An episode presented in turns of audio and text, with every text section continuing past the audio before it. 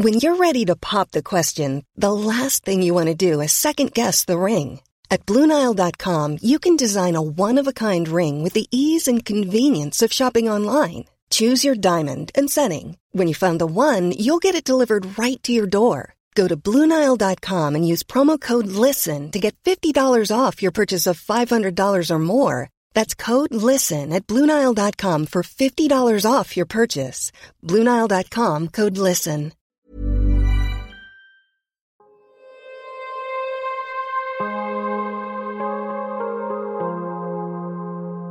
Vores mentale sundhed er nedadgående, og det er til trods for, at vi aldrig har været rigere, aldrig har haft flere muligheder og aldrig har levet længere. Det skal vi selvfølgelig tale højt om, så vi kan blive klogere på, hvordan vi får det bedre. Podcasten her handler om, hvordan vi kan lykkes med at være gladest og friest muligt i det ene, ofte ret travle liv, vi har. Og den handler om, hvordan vi kan lykkes med at være både professionelt ambitiøse og passe på os selv på samme tid. Jeg taler med eksperter og privatpersoner om alt det, der fylder inde i os. Min erfaring er, at når vi taler højt om de ting, så opdager vi, at der er mange andre, der bøvler med de samme ting. Og jeg tror virkelig på, at vi kan lære af og inspirere hinanden ved at dele vores sårbarheder, erfaring og viden. Så velkommen til Vores Mentale Sundhed, en Mindcare Collective podcast. Jeg håber meget, at du vil lytte med, og at du følger med på min Mindcare Collective profil på Instagram, hvor jeg hver dag deler indhold til refleksion, motivation og inspiration. Jeg hedder Lea Helmand. I dag har jeg Sofia Manning i studiet. Hun er coach, og jeg er ret sikker på, at jeg kunne tale med Sofia om mange interessante ting i forhold til at trives i livet og i forhold til at nå de mål, vi sætter os for i livet. Men der er især to ting, jeg gerne vil tale med Sofia om i dag helt specifikt. Først og fremmest vil jeg gerne tale med hende om livsværdier. Hvorfor kan det være en god idé at definere specifikke værdier i livet, som man gerne vil leve efter, eller som man gerne vil bruge som rettesnor i livet? Og hvordan finder man lavpraktisk frem til de her livsværdier? Den anden ting, jeg gerne vil høre Sofias perspektiv på, er, hvordan vi kan balancere vores ambitioner i livet.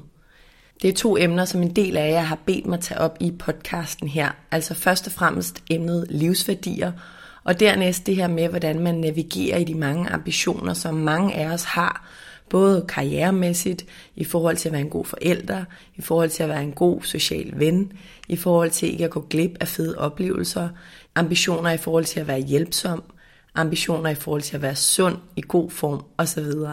Så de to emner skal jeg altså tale med Sofia om i dag. Om livsværdier og om at navigere i sine ambitioner i livet på en sund måde. Inden vi starter vil jeg som altid også lige nævne, at du helt gratis og nemt kan støtte, at der bliver ved med at komme nye afsnit af vores mentale sundhed. Det gør du selvfølgelig først og fremmest ved at dele, at du lytter med derude. Derudover betyder det selvfølgelig også rigtig meget, hvis du rater podcasten, anmelder den og subscriber til den i din podcast-app, hvis du kan lide det, du hører. Du kan også donere et valgfrit beløb til podcasten. Det gør du via MobilePay-nummeret 155503 som du også kan se i tekststykket under afsnittet her. Det er alt sammen med til at støtte, at der kan blive ved med at komme nye afsnit. Tusind tak. Velkommen til, Sofia Manning. Tak. Hvordan har du det i dag, Sofia? Ja, jeg synes, jeg har det dejligt. Jeg har taget en, øh, en fridag, efter jeg har talt med dig. Så mm. det er dagens eneste aftale. Så skal jeg bare have nogle sådan sociale aftaler bagefter. Så det hyggeligt. glæder mig til. Ja, det er hyggeligt. Lidt dig-tid. Ja, faktisk, ja. Jeg vågnede op med sådan lidt uh, spændinger i nakken, og så aflyste jeg en aftale efter dig. Jeg tænkte, jeg vil hvad? Jeg rydder dagen til min datter og en veninde. Ja, det løb jeg faktisk og tænkte over i sengen i går, at det skal jeg være bedre til. Jeg prædiker meget omkring pauser på mit uh, sociale medieunivers, Mindcare Collective, også ja. i podcasten her, og jeg er blevet meget bedre til at tage dem, men altså jeg er jo min egen herre i det her arbejde, så jeg burde altså være bedre til det der med ja. lige at tage en halv dag ja. her og der til mig. Ja. Det har taget mig mange år ja. at lære. Ja. Mm. Og det kan være, at det bliver lidt relevant for den snak, vi jo skal have senere i dag. Mm. Jeg er i hvert fald rigtig glad for, at du har lyst til at være her, mens du er på besøg fra udlandet, hvor du jo også bruger rigtig meget af din tid. I dag skal vi to tale om to overordnede ting. Vi skal tale om livsværdier og om, hvordan vi navigerer i vores mange ambitioner i livet. Det er noget, som jeg ved, at mange er nysgerrige på, begge de her ting, og jeg glæder mig meget til at høre dine perspektiver på de her emner. Og jeg tænker, at vi forhåbentlig kan give lytterne nogle gode indsigter og overvejelser, og måske endda nogle konkrete redskaber med på vejen på baggrund af den her snak. Vi dykker ned i det lige om lidt, men inden vi gør det, vil jeg som altid gerne lige starte med at introducere dig. Du hedder som nævnt Sofia Manning. Du er mor til to, og så bor du sådan halvt om halvt i Danmark og i de andalusiske bjerge. Det lyder dejligt. Mm. Mm. Du har egentlig en bachelor i dansk, men er også uddannet som coach hos Tony Robbins, en af USA's førende coaches, som mange nok har hørt om eller set programmer om eller noget i den stil. Og så startede du faktisk den første coachuddannelse i Danmark i 2001, som du har haft siden. Og du bruger din tid på at drive din virksomhed og på at undervise på dine uddannelser. Du er forfatter og foredragsholder, og alt det du laver, det bevæger sig omkring coaching og selvudvikling. Det er dig, kort ja. fortalt. Ja. ja. En lang historie, kort fortalt. Det er det.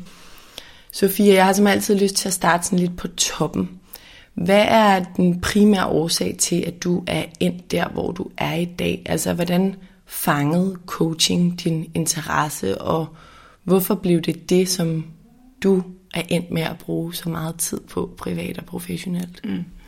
Altså mit, min sådan dybe interesse for selvudvikling og coaching tog sådan sit afsæt i, at jeg ikke havde det så godt øh, i mine teenageår. Mm. Øh, så allerede som helt ung var jeg, kunne ikke rigtig finde min rolle, og jeg kæmpede også med noget spiseforstyrrelse, og øh, mine forældre er skilt, og det var, det var en svær familie. Jeg, jeg boede hos min mor, som havde mødt en, en, en, en mand, som var alkoholiker. Altså det var nogle svære øh, vilkår. Ja, det var det faktisk, jeg havde i, i de år. Både barndom, men også ungdom. Så jeg var, jeg, jeg var for lidt vild der i 14, 15, 16 års alderen. Øhm, men så heldigvis, så, så fik jeg sådan en dyb interesse for, for det alternativ. Altså fik, øh, jeg tror, at det, jeg ved egentlig ikke hvorfor, bare sådan søgen. Altså jeg tænkte, jeg, det kan jo ikke, det kan ikke passe, at jeg skal have det sådan her. Mm. Jeg synes ikke rigtigt, at jeg kunne søge støtte i mit, i min hjem. Altså fordi øh, det var måske mere nogle intellektuelle hjem, øh, altså hvor, hvor, hvor det sådan, hvor sindet ikke på den måde, altså på den måde, som jeg havde brug for at være i centrum eller i fokus. Mm-hmm.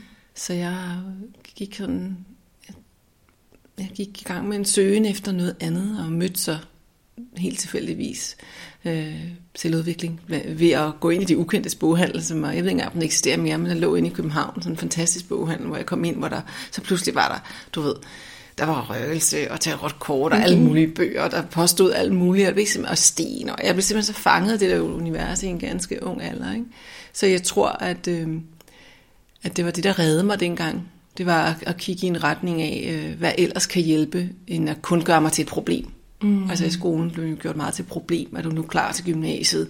Øh, altså, kan du nu klare gymnasiet? Altså de der ting, det bliver meget problematiseret øh, for at være et ung menneske tit. Ikke? Og det havde jeg egentlig ikke brug for. Jeg havde bare brug for nogle andre svar, end dem, jeg fik. Øh, så, det, så det var faktisk ledelse, eller altså, det var det jo en portion ledelse, som gjorde, at jeg, altså jeg kan ikke rigtig finde hvilken hylde, jeg passede ind på, og det fortsatte i mange år. Altså det blev jo ikke løst bare sådan. Mm. Øh, så det fortsatte op i, øh, helt op i 20'erne. Øh, og, og, og var jo også det, der så gjorde, at da, da jeg stod i en stor livskrise, fordi min storebror døde meget pludseligt, fra den ene dag til den anden. Han var syv år ældre, ja. øh, og vi boede i sammen, vi boede kollektivt sammen, havde rejst sammen, vi var meget til det. Øhm, og han blev simpelthen indlagt på Rigshospitalet en torsdag, øh, fordi han havde kæmpet med noget, noget, noget de troede var en troposygdom. Han var øh, marinebiolog og dykkerinstruktør, så dykkerinstruktør, så han havde været i Asien i et halvt år. Ja.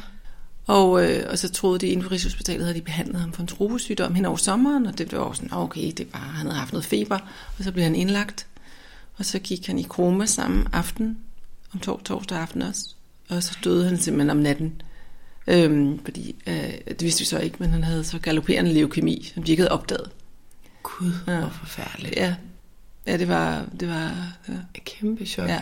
Hvor Der var- gammel var du på det tidspunkt? Jamen, der var jeg 21, og det man kan sige, der var jeg også stadigvæk i det der lidt, åh, hvad skal jeg læse, og hvem er jeg, og jeg dur ikke til noget, og jeg synes ikke, jeg kan passe ind i det, der bliver forventet af mig, og sådan noget, ikke? Altså, jeg tænkte, skal jeg være advokat, eller skal jeg være journalist, eller skal, altså, hvad skal jeg ligesom...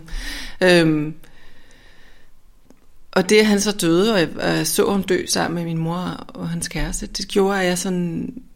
Jeg fik sådan en, et år bagefter, hvor jeg, hvor jeg ligesom bare var i chok. Men det, der også skete, det var, at, at ud over den der dybe sorg, øh, og sådan et enormt stort sådan ansvarstagen for min mor, som nu var alene, øh, det var også sådan en, en, en der var sådan en, en selvoptagethed af mangel på bedre ord, der sådan faldt væk. Altså der var sådan en, der var sådan en, okay, altså, han var jo bare der, og lå helt sobrun og helt muskuløs, og var lige færdig med sin, altså, sin universitetsgrad. Altså han var jo ligesom lå der og bare døde. Så var jeg sådan, okay, altså, så bliver jeg jo nødt til at, så kan jeg simpelthen ikke, jeg kan simpelthen ikke løbe rundt der og være så, altså, ked af det over ting, som i det perspektiv, altså det er jo ting, der var alvorlige, fordi det var de for mig, og en følelse er en følelse, men jeg var sådan, det, det, Nej. jeg blev simpelthen nødt til at... Så havde jeg sådan nogle år, hvor jeg var meget fri, faktisk. Men det var jo ikke nødvendigvis en fed frihed, fordi det var jo baseret på en sorg, men det var sådan en, en frihed, hvor jeg tænkte, jamen det værste, der kan ske, er jo at dør. Eller sådan. Mm. Så, så derfor, så kan jeg jo selv bestemme. Ja. Altså, øh, sådan meget, ja, sådan en desillusionering, som åbnede mig faktisk til at ikke øh, tænke, hvad, at det var så vigtigt, hvad min far tænkte om mit studie, eller mm-hmm. øh, hvad min mor tænkte om mine ståsteder i livet. Ikke? Så det var sådan en, en kæmpe sorg, og er det jo stadigvæk. Øh, men det var også sådan en åbning, hvor jeg tænkte, okay, altså. Og det var så derfor, jeg som et par år senere nok- kunne finde modet til at bare rejse til USA. Og, Ja, tag et nyt skridt. ja, Tusind tak for at dele. Jeg vidste faktisk ikke det her om din, om din familie. Nej. Og det er jo et ret godt eksempel på noget, jeg synes, man tit hører, at dem, som virkelig slår igennem og har den her power og kraft, der kommer det tit af noget eksistentielt, eller noget i hvert fald personligt, som man har med sig, og som Ja. har drevet en. ja, Mm, jeg har, det jeg sådan kan genkende i forhold til mig selv, som jeg kommer til at tænke på, det meget i mine 20'er, der jeg havde det egentlig ret godt på rigtig mange måder, fart på og hurtigt løben, og det er også noget, jeg har nævnt her i podcasten før, men så dør min far af kræft, mm. som jo ikke er min bror, men stadig min far, som var en del af min ret trygge barndom, Ja. og min mor bliver alkoholiker efterfølgende, mm. samtidig med at jeg så møder min mand og får to børn. Og alle de her ting, sådan, jeg vil slet ikke sidestille med det, du oplevede, men, men stadig den der følelse af sådan, okay, alt det, jeg troede var stabilt, er det overhovedet ikke. Nej. Og man kan dø når som helst, Ja. så jeg kan godt genkende den der med, Ja. okay, what's there to lose? Altså, Ja. lad os udnytte det her Ja. liv, vi har, ikke? Ja. og også voldsomt så med din mor. Ikke? Altså det er jo også det der at få sådan pludselig den der, det der ansvar. Det kan jeg i hvert fald genkende. Altså, ja. For den anden, ja. Det er ikke fordi, man er for, øh, altså, forpligtet til at tage det, men det, er jo, det fylder jo, Ja. når der står sådan en, Man en kommer mor. tit til det, ikke? Ja. ja. Nå. Så fik vi da lige lagt øh, Ja. grundlaget her for snakken.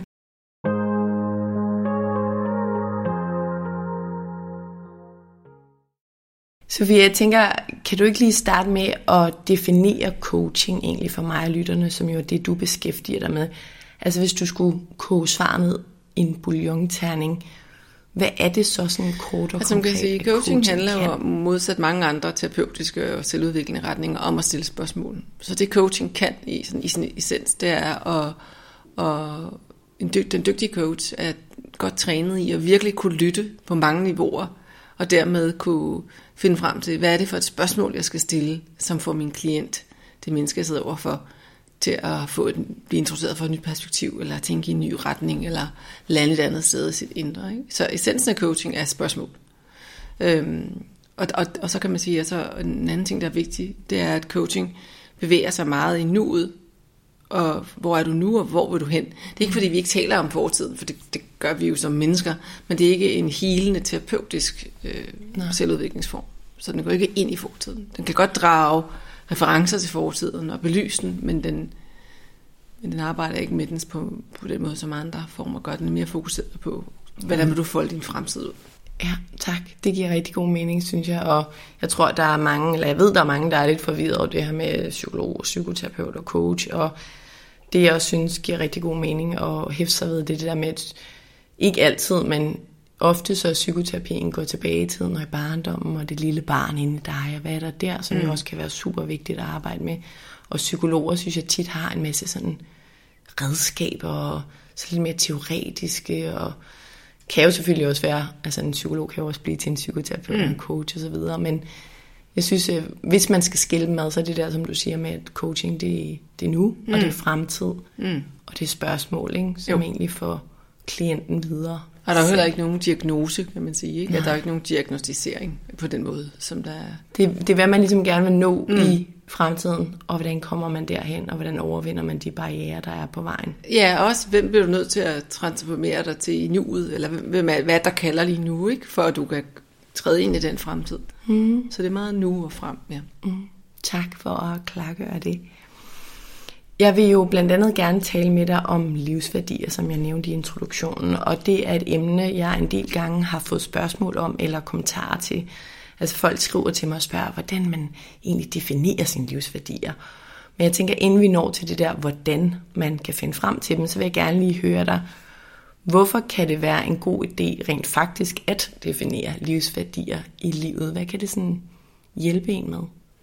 Altså grunden til, at det kan være en helt fantastisk ting faktisk at arbejde og gøre sig selv bevidst om sine livsværdier. Det er fordi ofte så er det jo noget, vi ubevidst allerede lever efter. Mm. Så alle mennesker i verden lever efter et sæt værdier. Det er bare langt de færreste af os, der har gjort os bevidst hvilke. Og det vil sige, ofte er det jo nogen, vi bare har taget med os fra det, vi har oplevet indtil nu. Og det vil sige ofte vores barndomshjem og de omgivelser, som har formet os øh, som, som børn. Og, og der kan man sige, det er jo ikke altid dem, som giver os det liv, vi ønsker at leve.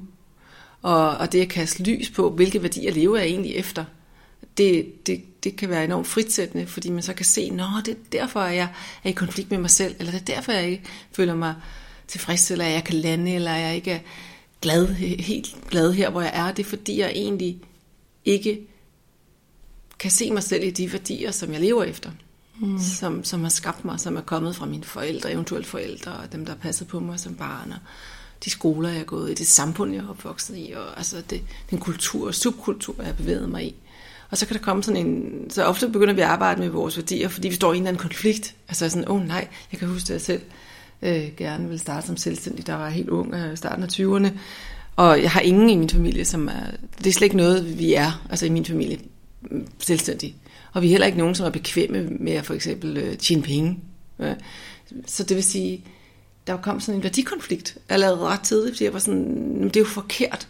Altså fordi jeg var opvokset med nogle værdier om at lighed og godt og retfærdighed og øjenhøjde og øh, altså passe på andre. Og, og så pludselig det her med at skulle sådan træde ud, øh, det var simpelthen en værdikonflikt. Og det var første gang, jeg blev opmærksom på, gud, der er et eller andet her, som, mm-hmm. som knager. Så kan vi jo vælge at kigge på det og dermed finde ud af, hvad, hvad, hvad er mine værdier? Også hvis vi så vælger at få en familie, hvad, hvad skal min families værdier være, så vi ikke bare lever i blinde efter det, vi kom fra, men, mm. men bliver mere vågne i livet i virkeligheden. Ikke? Så det er ret dybt arbejde på den måde. Ja, og jeg tænker også, i den her verden, vi lever i, hvor vi jo har virkelig mange muligheder, og konstant bliver både konfronteret med muligheder, men også med sammenligninger på især sociale medier, som rigtig mange af os jo bruger og ser på hver ja. dag. Så forestil mig også, at det kan være en, altså en måde at stå bedre i os selv, altså sådan, så når de her sammenligningstanker, som vi jo alle sammen bliver påvirket af, om du ved, skal jeg gå partnervejen i et konsulenthus, eller skal jeg ud og rejse til hele verden, ja. eller, altså at det kan hjælpe en til at stå fast i sin valg, når man rent faktisk bruger tid på at øh, ikke vurdere, men definere, hvad der egentlig er værdierne for en selv. Ja. Og nogle gange, så kan det også hjælpe en til at ikke engang komme derud, altså hvor man begynder at sammenligne sig, fordi hvis, hvis du er meget sådan velfunderet og tilpas i dine værdier, mm. så det, det andet mere bare information og inspirerende. Det er mere, når vi vakler lidt, altså mm. at vi kan være sådan, nå gud, kunne jeg måske, er det måske det liv, jeg ville blive glad i? Altså så kan vi begynde at, Og det er jo egentlig også en positiv ting, altså den der sammenligning, fordi, fordi vi er jo ude og afprøve nogle værdisæt. Fordi mm. vi er sådan, ej, jeg vil egentlig passe til mig at rejse jorden rundt med hele min familie, eller det passe til mig at blive karrierekvinde på, i et indre København. Altså, hvad, altså, det er jo egentlig derfor, så det informerer os egentlig om vores værdier. Ja. Man kan sige meget om et menneskes værdier ved at se, hvilke profiler de følger øh, på et socialt medie. Fordi vi afspejler jo, hvad interesserer dig? Hvad er det, øh, hvad er det for nogle værdier, du, du spejler dig i? Ja, og man kan sige det der med, at man måske kan nå til et sted, hvor man ikke engang lader de her sammenligningstriggers påvirke en. Det er jo også, altså helt grundlæggende var sammenligning jo også noget, der skulle motivere os, som du også siger. Ja. Ikke? Så tænk, hvis vi kunne komme et sted, hvor alt det, vi så, bare var motiverende, i stedet ja, for at ja. vi tog det ind på en uhensigtsmæssig ja, måde. og også måske informerende, ikke? Sige, mm. nå, hun vælger at leve sit liv på den måde. altså, men det, det, er jo, det er jo, der skal vi jo have noget overskud, altså, og noget fundament. Ja. Øh. Og det er det der fundament der, fordi jeg tror, at det, der fylder, eller har fyldt meget hos mig i mit arbejde indtil nu, og i podcasten, og efter jeg stoppede som konsulent, det var det her med at definere sund succes. Jeg tror, rigtig mange kunne have godt af at definere den der succes, altså og det er jo tæt koblet til værdier. Hvad er succes for mig? Mm. Hvad er succesfuldt i mit liv? Mm. Fordi hvis jeg har defineret det for mig selv, så behøver jeg heller ikke nødvendigvis at løbe til højre. Fordi mine værdier eller min succesdefinition peger faktisk til venstre. Mm. Så jeg synes, det jeg kan godt lide det der med at skulle bruge tid på at definere fundamentet. Ja af os selv. Det tror jeg er vigtigt. Også fordi, hvis vi ikke får defineret, hvad succes er, for at tage den, det eksempel, så, så kan vi jo også fare lidt vildt. Mm-hmm. Altså, og det kan vi jo gøre i mange år. Altså, nogen gør det jo et helt liv. Altså, hvor man ligesom ikke får set, jamen, hvad var det egentlig? Altså, det spørgsmål, som virkelig kan hjælpe en til at finde ud, altså sådan mærke i sine værdier, det er, hvad er det, jeg forestiller mig, succes vil give mig? Altså, og det, er, det spørgsmål, som egentlig, det lyder så let, men det er et ret dybt spørgsmål. Altså det er der mange, der glemmer at stille sig selv og sige, jamen, mm, når jeg får succes, hvad vil det så give mig? Og det er jo sådan, du finder værdien. Mm. For der er jo lige så mange svar på det, som der er mennesker. Altså for nogen vil det, ja, hvad, hvad, hvad er det for dig? Altså hvad tænker du, mm. hvad, hvad tænker du, at succes vil give dig? Men jeg tror netop ikke, jeg tænkte så meget over det. Jeg tror Nej. bare, jeg var lidt sådan, ja, styret af den der burde, og den der sådan implicite succes, ja. der lå indlejret både i samfundet, men måske især de kredse, jeg var i, med at status og løn, det er den mig. Især CV, faktisk ja. ikke så meget løn. Mere det der sådan status, at man har klaret det godt. Ja. Men jeg har helt sikkert ikke tænkt over netop, hvad vil den status så give mig? Nej. Og mit skifte, som jeg har lavet, hvor jeg hoppet ud i Mindcare Collective, som jo slet ikke CV-wise, med mine gamle briller i hvert fald, lige så sejt. Nu er jeg super glad for, at jeg laver det, jeg yeah. laver, og det kan ses på som er det sejt på alle mulige andre måder, men mm. det, det har givet mig så meget. Ja. Og selvom det stadig er svært nogle gange at være på den rejse, så giver det bare mening på en helt anden måde, for mm. det giver mig et overskud. Det har fjernet kroniske smerter i mine bihuler, som jeg har kæmpet ja. med i syv år. Det har givet mig nærvær. Det har, altså, det har givet ja. mig så mange ting. Det har givet mig muligheden for at lytte til min intuition og nogle passionsområder, jeg har inde i, som jeg bare havde fortrængt. Ja. Men jeg havde, ikke, jeg havde ikke lavet det der arbejde. Og det var faktisk for mig var det et tilfælde, at jeg sagde op, tænkte, nu skal jeg prøve noget andet. Jeg skal ud i en fast virksomhed, i stedet for at være konsulent. Ja. Og så fordi jeg lige fik lyttet lidt mm. til mavefornemmelsen der, så gjorde jeg noget andet. Ja. Men det var ikke fordi, jeg havde sat mig ned sådan specifikt og sagde, nu skal jeg lige Nej. reflektere over det der. Som jeg tror, at både jeg kan gavne af, men også alle mulige andre. Det der med, vi lærer ikke særlig ofte at bruge tid på at definere succes eller vores værdier. Ja. Altså det burde jo være ja. måske en del af skolegangen, ikke? Jo, altså også fordi øh, at det der spørgsmål, hvad vil det give dig at gøre det her, det, det kan bare spares for så meget mm. ja, smerte. Og, ja. Men tror du ikke, det kan være svært at sætte sig ind i? Jeg altså, tror du ikke, man kan have en forestilling om, hvad det vil give en, nu siger jeg, at økonomi vil give en en masse muligheder, og så vil man kunne rejse, og så nu det er bare sådan et tænkt ret øh, soleklart eksempel, jeg tror mange sidder med. Ja, men det man så skal spørge sig selv, hvis, hvis, du, hvis du så var hos en dygtig coach, så vil mm. coachen sige, jamen okay, men det er stadigvæk ikke værdier. Altså hvis du siger, okay, hvis jeg havde et godt job, så ville jeg have økonomi, god økonomi, og så ville jeg kunne rejse. Det er stadigvæk ting. Altså, så det at kunne rejse, hvad er det, det vil give dig? Altså hvad er det, du forestiller dig, det kommer til at give dig?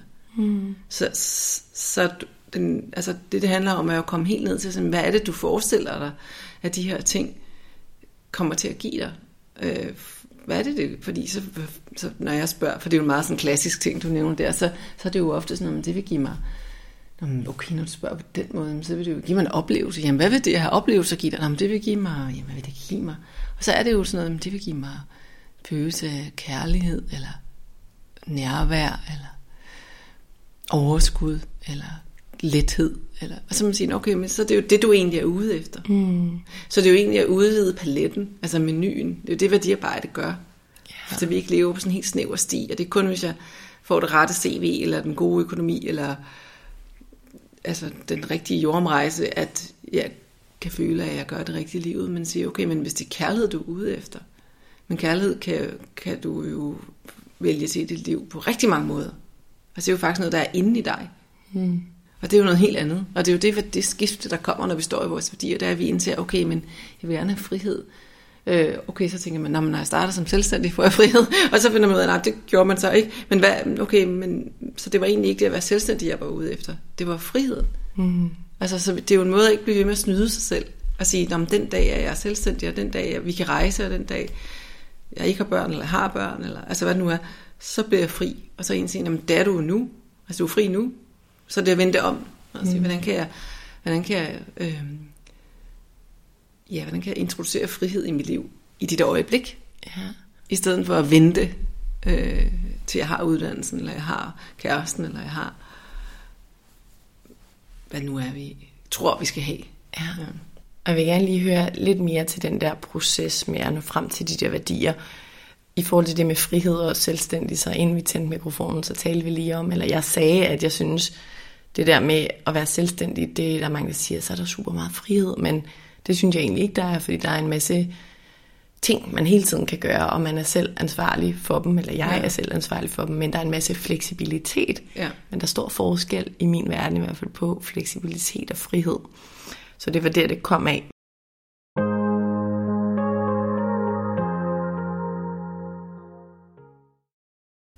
Hvis vi skal lidt tættere på det der med, hvordan man helt lavpraktisk definerer sine værdier. Nu siger du noget med at stille en masse spørgsmål. Jeg kan huske, den, det er nok en meget light version, men det var engang, jeg havde sådan nogle kort, værdikort, hvor på hver kort stod der en værdi, og så skulle man ligesom udvælge måske, jeg tror det var 10 kort til at starte med, og så gennem sådan lidt refleksionsarbejde og et par spørgsmål, som jeg faktisk ærligt talt ikke kan huske, hvad var, så skulle man så dykke dybere ned og ligesom eliminere, eller sådan komme ned til tre eller fem mm. af de mm. her kerneværdier. At det var en frem, hvis man nu sidder sådan helt selv derude, og det kan jo sagtens være, at man har brug for en coach eller en anden form for sparringspartner i det her arbejde, men du var allerede lidt inde på det, men kan du ikke fortælle lidt om, ja, hvordan man som privatperson kan finde frem til de her værdier? Jo, øh, det første, der, der er rigtig god, der er en god idé at gøre, det er at finde ud af, hvilke værdier lever jeg efter nu. Og den, den sådan en måde at gøre det på, det er måske lige sætte sig og lukke øjnene, øh, have noget papir i nærheden, og så forestille sig, at du ser dit eget liv som en film et år tilbage. Mm. Altså du simpelthen ser, hvad, hvad, hvad har du ikke forestillet dig, hvad du gjorde, men gjorde. Og, og det kræver en vis ærlighed. altså fordi nogle gange, så, så kommer vi mere til at fortælle det, vi, det, den idé, vi har om os selv. Mm. Så det er ligesom at sige, okay, her er filmen, den kan ikke lyve, det her gjorde jeg. Og når du så har den film på dit indre, så åbne øjnene, og så stille dig selv spørgsmålet. Et menneske, der har haft det her liv, hvilke værdier lever det efter? Så det er lidt at sådan distancere sig lidt fra sig selv. Ja. For at sige, okay, jamen et menneske, som som vælger at øh, gå på arbejde, selvom der er en begyndende migræne, øh, har i hvert fald ikke øh, egenomsorg som nummer et. Så hvad har de så? Så har de måske ambition, for eksempel, eller pligterfyldenhed. Altså at den virkelig sådan kigge ind og sige, okay, der er et menneske, som vælger at, at hente sine børn klokken, klokken tre, øh, har nok noget med, hvad, hvad, hvad, hvad, hvad for en værdi er det, det afspejler? Altså er det okay? Det, I hvert fald børnene over arbejdet, så er det måske noget kærlighed eller nærhed, eller, eller igen, det kan jo også være pligterfyldthed. Altså et eller andet, hvad, hvad er det? Og så sådan, med sådan en stor portion ærlighed sige, hvad er det egentlig for nogle værdier, jeg lever efter? For det er jo der utilfredshed kommer af. Det er, at der er en dis, øh, dissonans mellem øh, det liv, vi forestiller os, vi lever, og det liv, vi, og det liv, vi lever. Mm. Og det, og det er første skridt. Og så virkelig kigge på den der liste og sige, gud, da jeg lavede den her første gang, så kom der også noget op, som, som netop sådan noget, øh, øh, ja, altså succes var høj, og, og tryghed var rigtig høj, og anerkendelse. Altså det her, det var højt. Jeg tror faktisk, det var min, nærmest min, på min top 5. Og det var ikke noget, jeg sådan rigtig var til. Jeg var sådan, ej, helt ærligt, er det virkelig det? Altså er det det, der øh, øh, er vigtigst for mig? Altså, øh, og så når du har lavet den liste, og, og prioriteret den, mm. og du prioriterer den ved at stille dem over for hinanden og sige, jamen hvis jeg kun kan vælge en af dem, altså Værdierne. Ja, hvis ja. jeg kun kan vælge enten succes eller anerkendelse. Jeg må kun leve efter en af dem. Altså, der er en af dem, der skal fylde mest. Hvad for en af dem er så højst? Mm. Så prioriterer du dem ligesom, du kan se, fordi du tager altid dine beslutninger ud fra dine højeste værdier. Men kan man stille sig selv spørgsmål i det valg der? Fordi jeg tror mange, hvis de sidder med tre værdier foran sig, kan være sådan et, uh, de kan alle sammen noget. Eller sådan, er der noget, man kan spørge sig selv om for at komme Ja, så man kan sige, i første omgang er det jo at spørge sig selv, hvad, der er det jo ikke engang, hvad de kan, der er det jo, hvad har været, hvad har været sandheden. Mm. Så der er det jo, altså, der er det, en, der er det jo en god idé at kigge tilbage på sine beslutninger i sidste år, ikke? Og sige, da vi købte det hus, altså, eller da vi flyttede dertil, eller da vi, da jeg gik fra min kæreste, eller da jeg blev gift, eller, altså var det så, var det den her værdi, eller den her værdi? Mm-hmm. Altså, og så kan man ligesom se et mønster, sige, gud, nå, men det er jo altid tryghed, Altså det er jo altid, jeg vælger jo altid at ikke eller at gøre noget, fordi tryghed fylder, mm. eller øh, variation, eller anerkendelse, eller hvad nu må det være, ikke fællesskab, altså det at være connected til andre. Så, så der tegner sig sådan et mønster, øh, når vi er ærlige over for os selv. Men det er jo derfor, det kan være godt at gøre sammen med, om, hvis ikke en coach, så en, en virkelig god ven. Fordi det var også noget med at virkelig kunne spejle tilbage og sige, er du helt, altså, eller sin, ja, man kan faktisk også lave den her med sin kæreste, det, det har jeg gjort med min mand flere gange, For, fordi man kan også kigge hinanden i øjnene, og sådan, altså hvis man kender den anden lidt, og er sådan, er, du, er du helt sikker? Mm. Altså er du helt sikker på, at det er virkelig derfra, du tager din, har taget dine beslutninger? Ja, for det er lidt nemt at lyve over for sig selv, ikke? eller fortælle sig selv en lidt forfinet historie måske. Det er ikke engang, det er noget, vi alle sammen gør. Mm. Det er jo sådan en selvopholdelsesdrift. Altså, øh, og det er jo også det, der begynder at viske til os, når vi har løjet for os selv længe nok. Altså, så er vi sådan, nej, det, det er jo ikke rigtigt. Altså, mm. det, det er jo ikke. Jeg er jo egentlig ikke helt vildt selvkærlig. Fordi jeg tager altid mine beslutninger ud fra pligtopfyldenhed eller retfærdighed. Eller... Det, er en, det er en ret god øvelse, det der med at kigge tilbage. Fordi ja. man kan tit komme til at tænke, hvilke værdier man gerne vil leve efter. Ja. Ikke? Og det der med, altså det sidste år, det kan du kigge på rimelig nøgternt og være sådan, netop, hvornår hentede du dine børn? Altså, så, så kan det godt være det der med at være nærværende overskudsforældre, en værdi, du gerne vil leve efter, ja. men du stod der halv fem Ja, dag, eller du, eller du, du ser den der film, og så ser du, du har faktisk altid telefonen i, i mm. hånden. Altså, du, du ved, de der ting, vi kommer til, ikke? Mm. Okay, så vi kan kigge på det der år, og så kan vi ligesom vurdere derfra, men er der også noget i forhold til fremtiden, ja. hvor vi så mere kan kigge på, hvad vil vi gerne? Ja, for det er så det, du, når du så har gjort det, mm. så kigger du på det, og, og rigtig ofte, så får du en eller anden form for wake-up call, på du sådan, okay, det, det er jo derfor, jeg har følt det her, eller det er jo derfor, det her har været svært, eller det her dilemma, eller det er jo derfor, jeg ikke er tilfreds på arbejde. Det er jo fordi, i virkeligheden så står der her øh, kreativitet og inspiration som nummer et og to, og hvad hedder det, mine pensler står ude i, ude i det der skur, og jeg har ikke taget dem ud af skabet i et år. Altså, så jeg er jo ikke kreativ. Øh, men jeg er til gengæld helt vildt perfektionistisk og pligterfølgende. Altså, så det er jo noget med at sige, det er det, det første. Og så er det jo at spørge sig selv, og måske igen lave en lille proces, altså lukke øjnene og lade gå en tur en sted, man holder af, og så spørge sig selv, jamen hvilke værdier øh, skal jeg i første omgang sige farvel til? Mm. Og så er der nogen, der siger, det hører jeg ofte, man kan jo ikke bare sige farvel til nogle værdier. Og så, så plejer jeg altid at sige, jamen du har også bare sagt goddag til dem. Altså på et eller andet tidspunkt. Ja, det kan godt være, at det har været i en meget ung alder, så det ikke er føles som et bevidst valg. Men de er jo blevet introduceret på et tidspunkt. Mm. Altså så, så selvfølgelig kan vi sige farvel til dem, hvis vi giver det opmærksomhed. Og sige, okay, men skal jeg virkelig have perfektionisme, pligterfyldenhed, perfektionisme så højt? Altså giver det mig det, jeg vil? Øh, hvis det ikke gør det, så, så det at spørge sig selv, jamen skal, skal de der værdier på ferie, altså skal de lige, skal de lige have en pause? Mm. Altså, vi behøver jo ikke at smide dem ud for evigt, men skal de måske lige, lige ud til højre et stykke tid. Øhm, og så først tager de værdier ud, vi tænker, at det her, det giver mig simpelthen ikke det liv.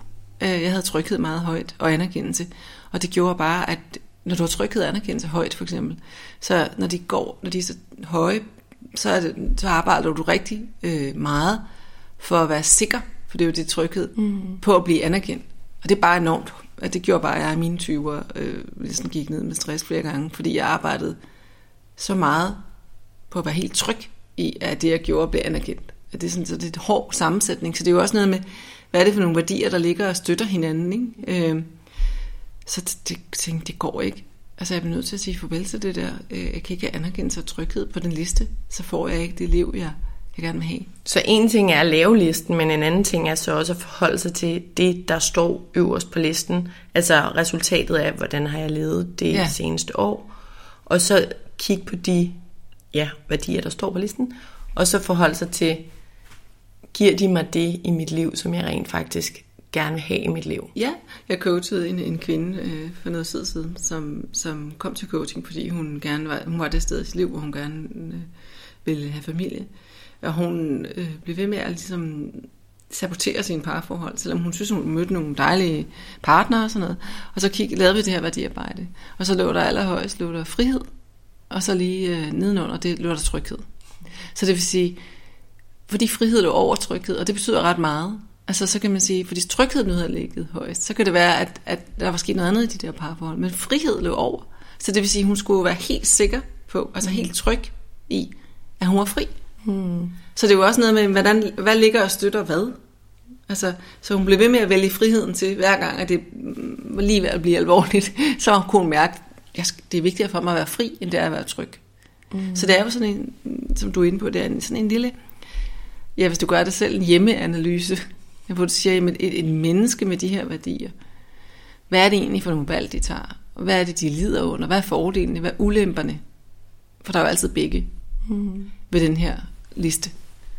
Øhm. Jeg kommer til at tænke på, med den her liste, kan man også sætte noget på, som man slet ikke har levet efter endnu? Altså, nu kommer jeg med et eksempel, som, jeg ved ikke om humor kan være en værdi, men det der med at grine og være glad og optimistisk humor, ja. noget af den stil. Ja. Lad os sige, at jeg besluttede mig for, at det liv, jeg ser for mig, der vil jeg rigtig gerne have, det en værdi. Men egentlig så ved jeg godt, når jeg kigger på det sidste år, at det har jeg ikke levet efter. Jeg har været ret sort scene, jeg er ret dårlig til at gøre grin af mig selv, og jeg er meget selvhøjtidlig, ja. tager ting nært, bla bla bla.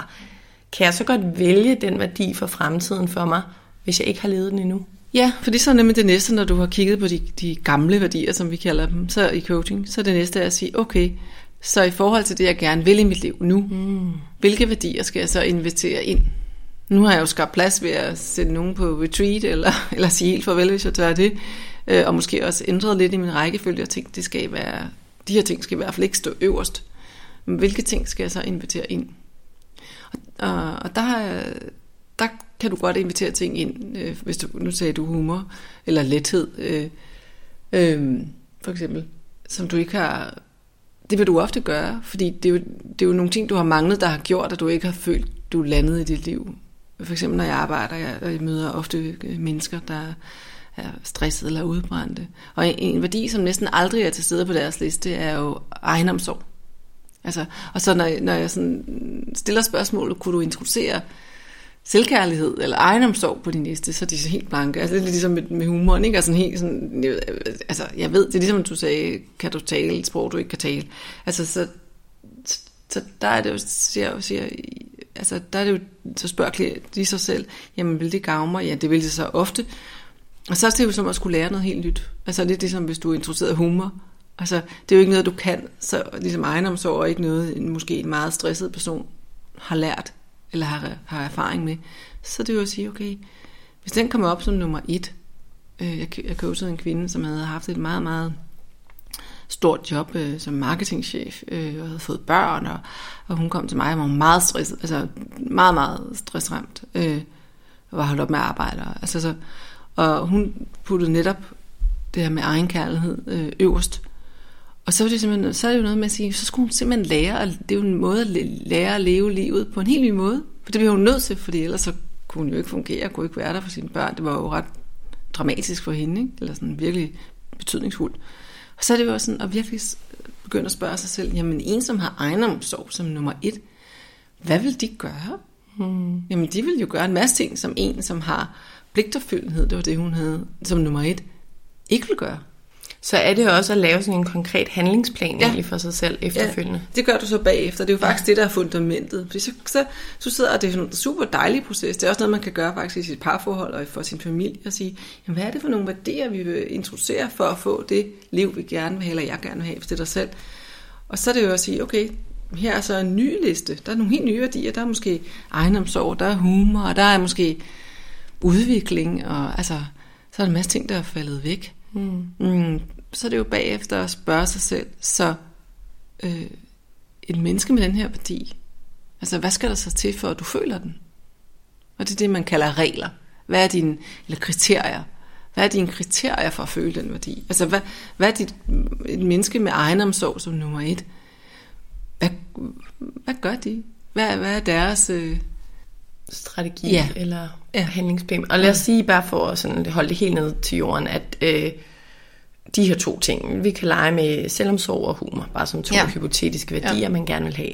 Så siger man, nu gør det meget simpelt, ja. at en person, der har selvomsorg som en af sine primære værdier, tager en fridag om måneden, ja. og en, der øhm, gerne vil have humor som værdi, jeg ved jeg, det er lidt måske sværere at konkretisere, men skal grine af sig selv en gang om dagen, eller en gang om ugen, ja. whatever. Men når vi sætter de her steps, så mit spørgsmål er, når vi så går ud i livet, hvordan husker vi os så at holde os selv op på det? Ja, og det er jo det, som er med al coaching og al selvudvikling og al terapi, at det, det er jo øh, 100.000 kroners øh, spørgsmålet, fordi det der er der, det er jo det er din egen vågenhed. Altså ligesom med egne, alle andre valg og ting, vi ændrer i livet. At der er ikke nogen magisk fe, der kommer og prøver til at spise sundt, eller, eller hvad det nu er. Øh, det, det, det er jo at sige, okay, det er jo at være vågen i livet. Altså at sige... Være bevidst. Ja, og sige, du ved, øh, nu har jeg selv arbejdet meget med, med, med, med det her med, altså med nærvær, ikke? Øh, efter jeg fik mine børn, fordi jeg elsker mit arbejde og har været meget optaget af det. Så det her med, at øh, så fik nærvær meget højt op, efter jeg fik min, min, min datter, altså i sin tid. Og det var det her med, jamen, så det var noget med at være vågen hver gang, jeg så ikke var nærværende. Mm. Og så at skrive dagbog og have støtte og altså virkelig sådan sige, okay, nu, nu gør jeg det igen. Ikke? Altså nu, nu bliver jeg draget af computeren, i stedet for ligesom at være nærværende med det her lille menneske her. Mm. Øh.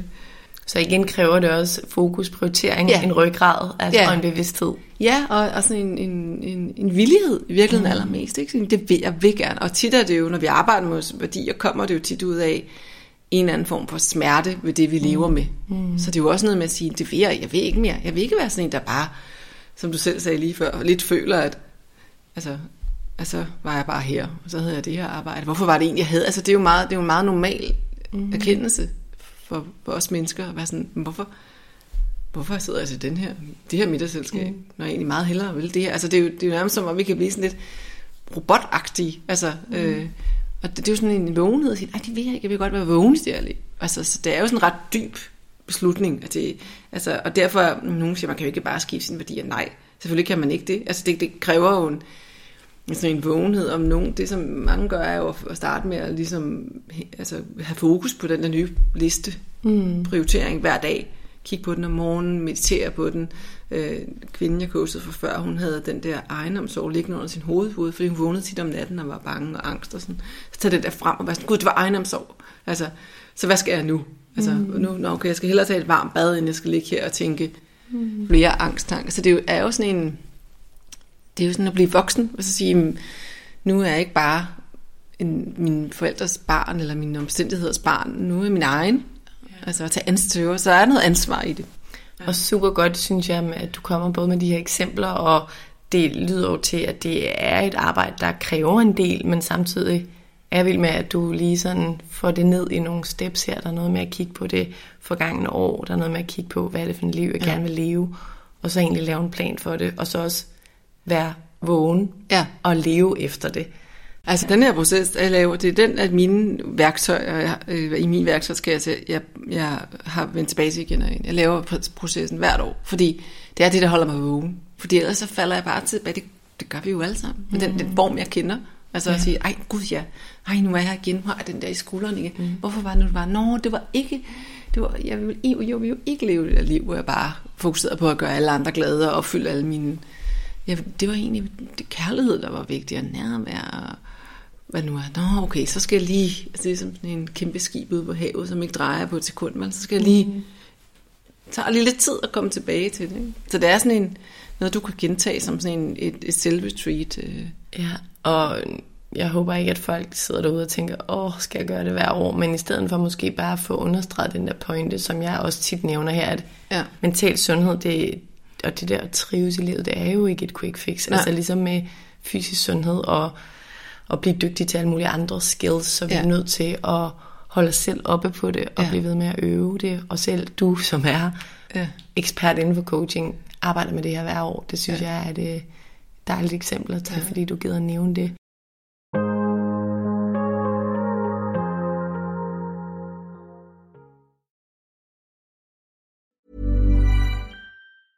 Mom deserves the best, and there's no better place to shop for Mother's Day than Whole Foods Market. They're your destination for unbeatable savings, from premium gifts to show-stopping flowers and irresistible desserts. Start by saving 33% with Prime on all body care and candles. Then get a 15-stem bunch of tulips for just $9.99 each with Prime. Round out Mom's menu with festive rosé, irresistible berry chantilly cake, and more special treats. Come celebrate Mother's Day at Whole Foods Market. Quality sleep is essential. That's why the Sleep Number Smart Bed is designed for your ever evolving sleep needs. Need a bed that's firmer or softer on either side? Helps you sleep at a comfortable temperature? Sleep Number Smart Beds let you individualize your comfort so you sleep better together. JD Power ranks Sleep Number number 1 in customer satisfaction with mattresses purchased in-store. And now, save 50% on the Sleep Number limited edition Smart Bed for a limited time. For JD Power 2023 award information, visit jdpower.com/awards. Only at a Sleep Number store or sleepnumber.com.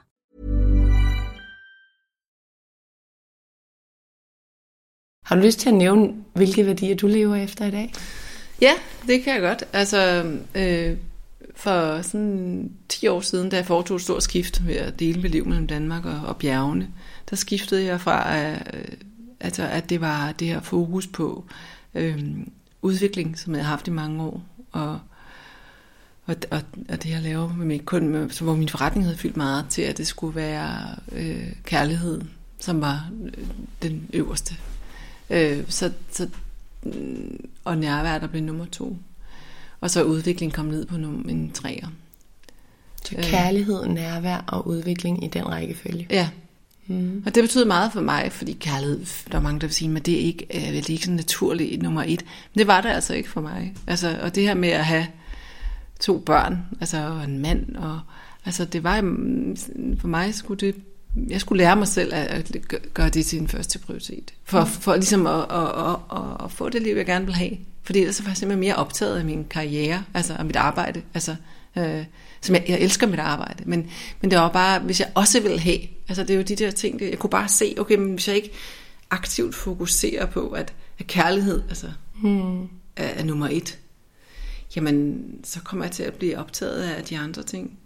Altså, så, det, så, så, så altså, halter det andet. Altså, så er det jo, det er jo ligesom en cykel. Altså, hvis du ikke vedligeholder den, altså, så, så kører den dårligt. Øhm. Og det er et godt eksempel på det her også med dit skifte, selvom det er 10 år siden, men at, at vi godt kan lave skift i vores værdier ja. undervejs, men det kræver jo, at vi, vi arbejder med det her. For mig var det sådan en stor skift fra sådan mest, øh, kan man sige, fra den, det er sådan lidt, altså den at vande, at vande sine, sin omgivelser, og så mere til den her indre have. Altså i mange år havde jeg bare brugt al min energi på, på den, den ydre. Mm. Altså det, man kunne se. Mm. Og det var simpelthen tid til at, sådan, at vande det indre. Altså, så, så, og det er jo sådan lidt udfordrende for egoet. Ikke? Fordi i vores samfund, så er det jo den, det udenfor, der, der bliver set og anerkendt. Det er også så. derfor, jeg tror, at rigtig mange kan gavne af det her arbejde. Ja. Altså, jeg tror, at rigtig mange gør det, du gjorde før, og jeg genkender det i den grad også ja. selv. Ja. Og ja, jeg tror virkelig, vi kan få noget ud af at reflektere over det. Ja. En ting, inden vi går til ambitionssnakken, som er næste skridt, så du nævnte det her med også at spørge sig selv, hvad er det, succesen vil give os, når vi når det, eller hvad er det værdierne vil give os i livet.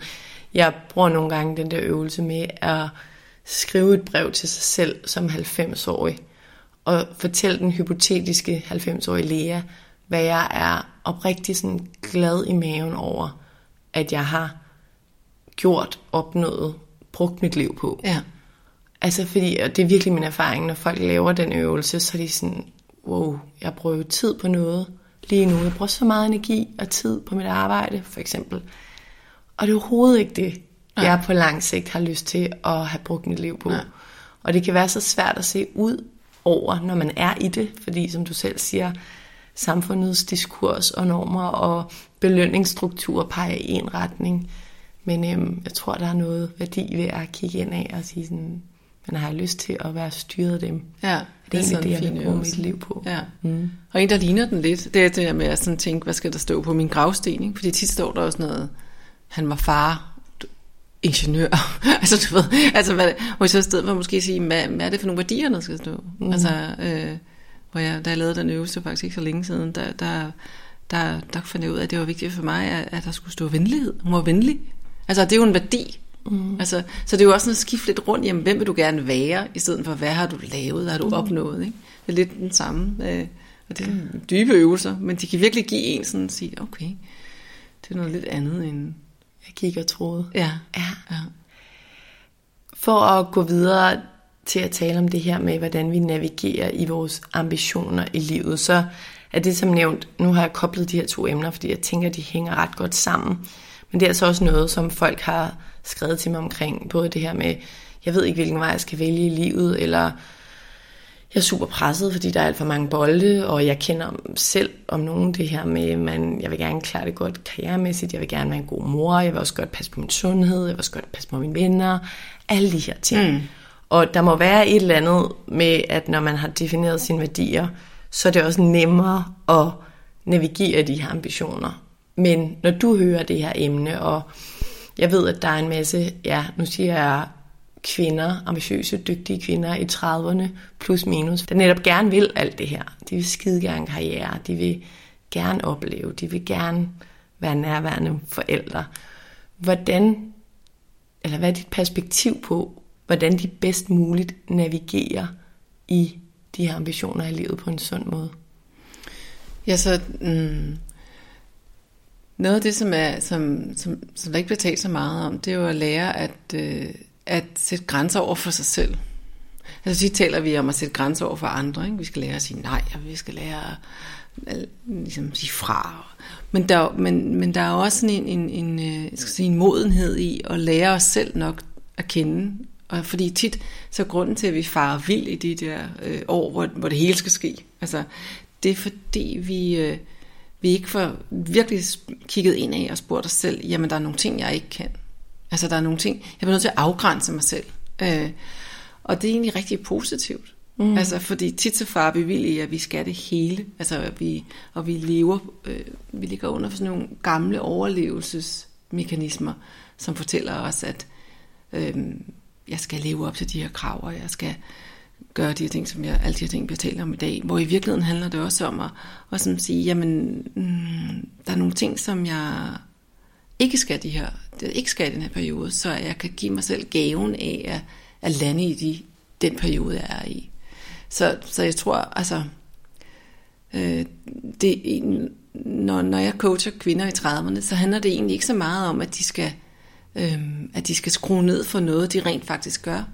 Det handler mere om, at de skal skrue, altså ændre, hvordan de tænker om det. Altså, mm. at det handler mere om, at de, de, øh, den mening, de giver tingene. Altså, at, at fordi når man sådan begynder at, at virkelig spørge dem om, jamen, hvad er det egentlig, der er problemet, så er det egentlig sjældent, at de ikke har tiden. Det er mere, at de sådan, mm, de tanker, de har om det. Altså, at de ikke er gode nok, og har de nu gjort det godt nok, og lever de nu op til chefens forventninger, og er de nu også øh, den mor, de gerne vil være, og kan de nu, opdrage de nu deres børn, må man overhovedet opdrage sine børn, altså er de nu den kæreste, de gerne vil være, og altså, altså det, det, det er mere egentlig hele overbevisningsuniverset omkring det, og alle historierne, vi har om det, der sker, der er problemet, end det, der egentlig sker. Øh, så, så, så ofte så er det sådan en at sige, okay, men at af, altså på den måde lære at sætte grænser for sig selv og sige, jeg skal simpelthen lære mig selv at tænke anderledes om, om mit liv. Så jeg ikke bliver så optaget af at sidde fast i, i det her sådan lidt øhm, øh, øh, indre, indre tanko, tankespind, hvor, hvor vi kan blive enormt presset og stresset, fordi mm. vi aldrig rigtig lander i virkeligheden. Så, så, så det handler egentlig meget om at sådan kunne sige, jamen, hvad er det, altså kan jeg, kan jeg slippe nogle af mine, mine historier omkring det, der sker? Kan du prøve at give et eksempel på, hvad en, en historie eller nogle historier kunne være om et eller andet livet? Ja. Bare et hypotetisk ja. eksempel. Altså, jamen for eksempel det her med, at, øh, at, at vores øh, arbejdsliv, der tror jeg for mange, rigtig mange kvinder, jeg coacher, tænker øh, altså alt for hårdt mod sig selv. Jeg tænker, tænker alt, alt for meget over, at de måske skulle være på en anden måde, at de ikke gør det godt nok, og at de ikke leverer det, de tænker, de skal, og at de skal levere meget mere end alle de andre, og de skal være i, møde op hver dag og have masser af overskud, og, hvor i virkeligheden er det simpelthen ikke sandt. Så de får ikke stillet spørgsmålstegn ved den, de er. Altså, de er sådan, det er ikke sandt. Du kunne sagtens klare dig med at bare være den, du er. Fordi du er rigeligt. Altså, og sådan er det også med børnene. Den enorm omtanke er det jo egentlig for, hvem er jeg som mor, og øh, du ved, så kan det være, at man uddanner sig inden for, hvordan man skal være i forhold til sine børn, og altså det er jo endnu et pres, ikke? Øh, mm. Og så tænker altså, i stedet for ligesom at bare ære den man er, og sige, jamen jeg har et bidrag til verden, som den jeg er, og, og det, det er nok. Mm. Altså, og også i forhold til sin kæreste eller sin mand, og sige, åh, oh, men der er også, hvad skal jeg, åh, oh, og sådan, hvad skal han, hvem skal han være? En masse forestillinger i siden. Jamen, sige, jamen, vi er nok, som vi er. Altså, og ligesom lande i det og sige, jamen, jeg er den mor, jeg skal være. Og der er alligevel, altså, det er, tit, det er jo tit sådan en, en, en, en, en kan man sige, lidt, øh, at være enormt autoritetstro. Og sådan sige, jamen, når nogen har sagt, at det er bedst at gøre, opdrage sine børn sådan her, eller nogen har øh, sagt, at det må jeg slet ikke, altså så lander vi ude i de der poler, fordi vi utrykker presset. Når vi er under pres, så læner vi os op på autoritet.